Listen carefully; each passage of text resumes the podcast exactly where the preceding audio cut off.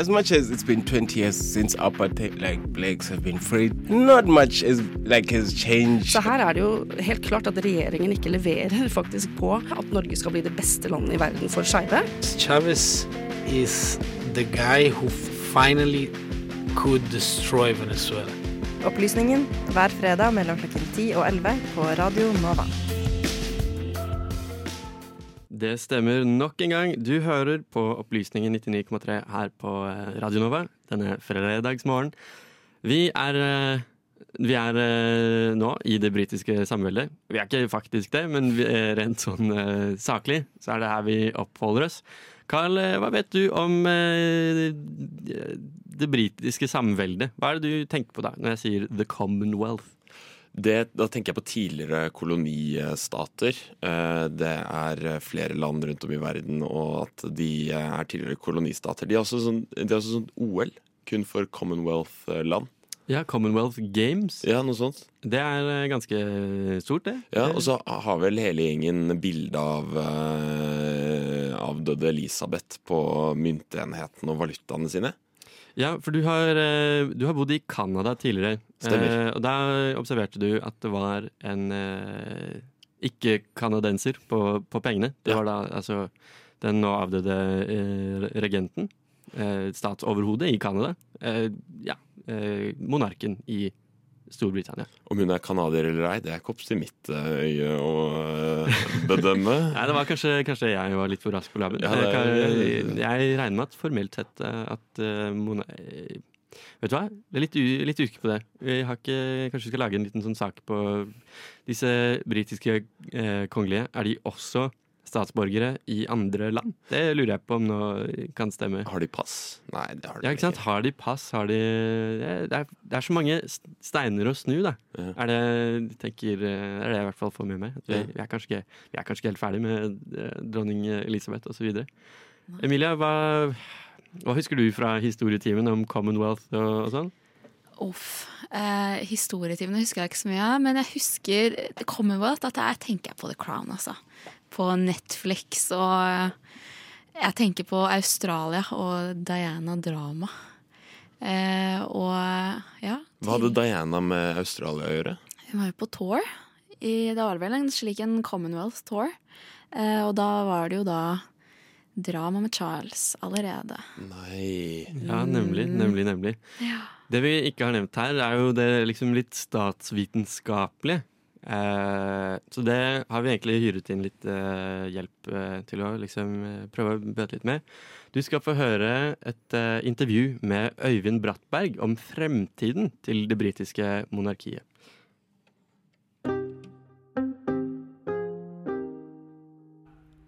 september 2022 gikk dronning Elisabeth 2. bort. Med sine 75 år på tronen ble hun den lengstsittende monarken i verden. Men knappe to uker etter dronningens død begynte debatten om monarki eller republikk i flere av de 15 landene hun var statsoverhode for. I tiden etter hennes død har flere briter tatt til gatene for å demonstrere mot monarkiet. På plakatene står det skrevet 'Not my king'. Og selv om diskusjonen om republikk har pågått lenge, har diskusjonen fått en ny opptur etter dronningens død. Professor Katie Pickles fra universitetet i Canterbury, New Zealand mener at det var dronningen selv folket likte, og at hennes død har startet en debatt. The Australian Republic Movement har foreløpig holdt en lav profil, men har likevel hintet om at dronningens død byr på politiske muligheter. I flere karibiske land har diskusjonen om et britisk statsoverhode pågått over en lengre periode, og i 2021 blir Barbados en republikk. Så hva vil trolig skje nå? Er dette muligheten mange republikanere endelig har ventet på? Vil New Zealand, Canada og Australia bli republikker? Og hva med Storbritannia? Vi tok med oss opptakeren opp til Blindern for å snakke med Øyvind Brattberg, som er spesialist innen britisk politikk. God morgen, Brattberg. God morgen. I dag så skal vi snakke litt om dronning Elisabeth 2.s død, eh, med tanke på det britiske styresettet videre. Og da er egentlig første spørsmål til deg Ser du for deg at hennes død har påvirket, eller kommer til å påvirke Storbritannias styresett på noe vis?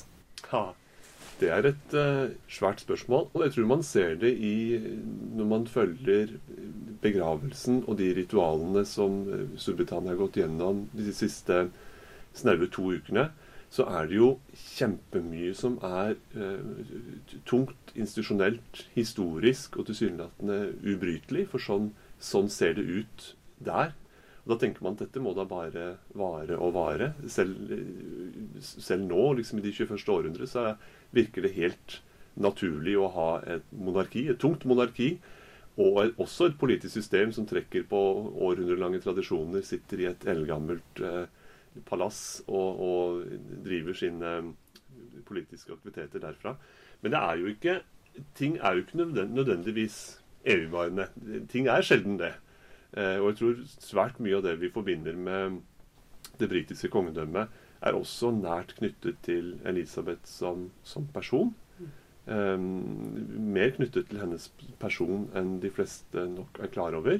Så de nærmeste årene så vil man nok eh, måtte justere seg til en, en ny tid, en ny æra. Og hvor også eh, det britiske monarkiet har, det, det, vil ses i et annet lys, rett og slett. Og Storbritannia virker med et litt mindre, kanskje. Og, og for noen litt mindre overbevisende som en sånn historisk forankret global stormakt. Så, så, ja, hennes død og skiftet til, til, kong Charles vil åpenbart bety noe i, i, hvordan man betrakter Storbritannia, hva man tenker om britenes posisjon ute og slikt. Og så gjenstår det å se hva det kan bety helt konkret for, for styresett og for måten maskineriet fungerer, kan du si. Ja, Ser du for deg at de går vekk fra monarkiet? Um, Storbritannia er, er noen lange steg unna en faktisk uh, vurdering av endret styreform. Monarkiet har svær og tung og sterk legitimitet. Eh, og den lar seg ikke bryte ned. Men jeg tror, jeg tror, det vil ses i et annet lys fordi Charles åpenbart er en annen person enn sin mor. Har en annerledes forhistorie, er noe mer kontroversiell i en del kretser. Og så er han en veldig eh, godt voksen mann. Han er i 70-årene allerede. Så, så, det betyr at man, at, at man, er liksom i en slags overgangssituasjon, enten man vil, enten man vil eller ikke. Som du sier, så er dette en diskusjon som kommer opp igjen flere ganger. Eh, hvilke argumenter er det de som står på mer en sånn republikansk side, ofte trekker frem? Nedarvet makt er jo et, eh, et, et problem i et demokrati det ligger masse makt og, og velstand og en, en, tung samfunnsinnflytelse i det britiske monarkiet. Det, og det er knyttet til, til, historisk til imperiet og til en del eh, sider ved Storbritannia som ikke alle er veldig begeistret for. Eh, og noen vil da si at skal man ta et oppgjør med en del av de, de, de dypeste klassestrukturene, den mest problematiske velstanden og de dystreste sidene ved imperialisme, så bør man også ta et oppgjør med monarkiet i samme sveip. Mm. Og det er jo en del, spesielt i, i den ungdommelige generasjon, som, som, mener, som, mener, det. At uansett hvordan man snur og vender på det, så er monarkiet Det står til knes i alle disse trøblete sidene. Og skal man ta et oppgjør med det, så må man også si at monarkiet er faktisk ikke liv laga for, for vår tid. Eh, du var så vidt inne på det tidligere med kong Charles eh, og hans eh, utfordringer videre. Kunne du utdypet det litt? Hva er det du ser for deg at han kommer til å måtte gjøre, da? Eller de problemene kanskje kommer ovenfor når det kommer til å holde på The Commonwealth og det britiske monarkiet? Her er det jo flere, flere trekk. Jeg tror hjemme i, i Storbritannia så er det så må han gjøre sitt ytterste for å være ikke-politisk. Altså for å være hevet over det, det, det, politiske. Og det er jo litt vanskelig, for han har hatt en del sterke synspunkter selv i, i årenes løp. Og han må ha en, en opphøyd seremoniell status som noen som, som, på en måte står for stabilitet og felles verdier, mens politikken skifter. Så der, der ligger det noen, noen, hjemlige utfordringer.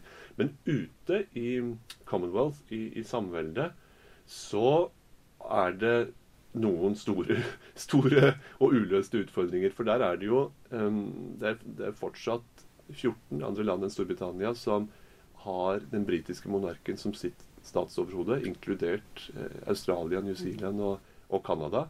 Og der ute ruller diskusjonen allerede. Nå som den elisabetanske æra er over, er kanskje tiden kommet for å, å bryte med det britiske monarkiet og selv etablere en, en, en, en republikk, altså ha en statsoverhode på egen, egen jord.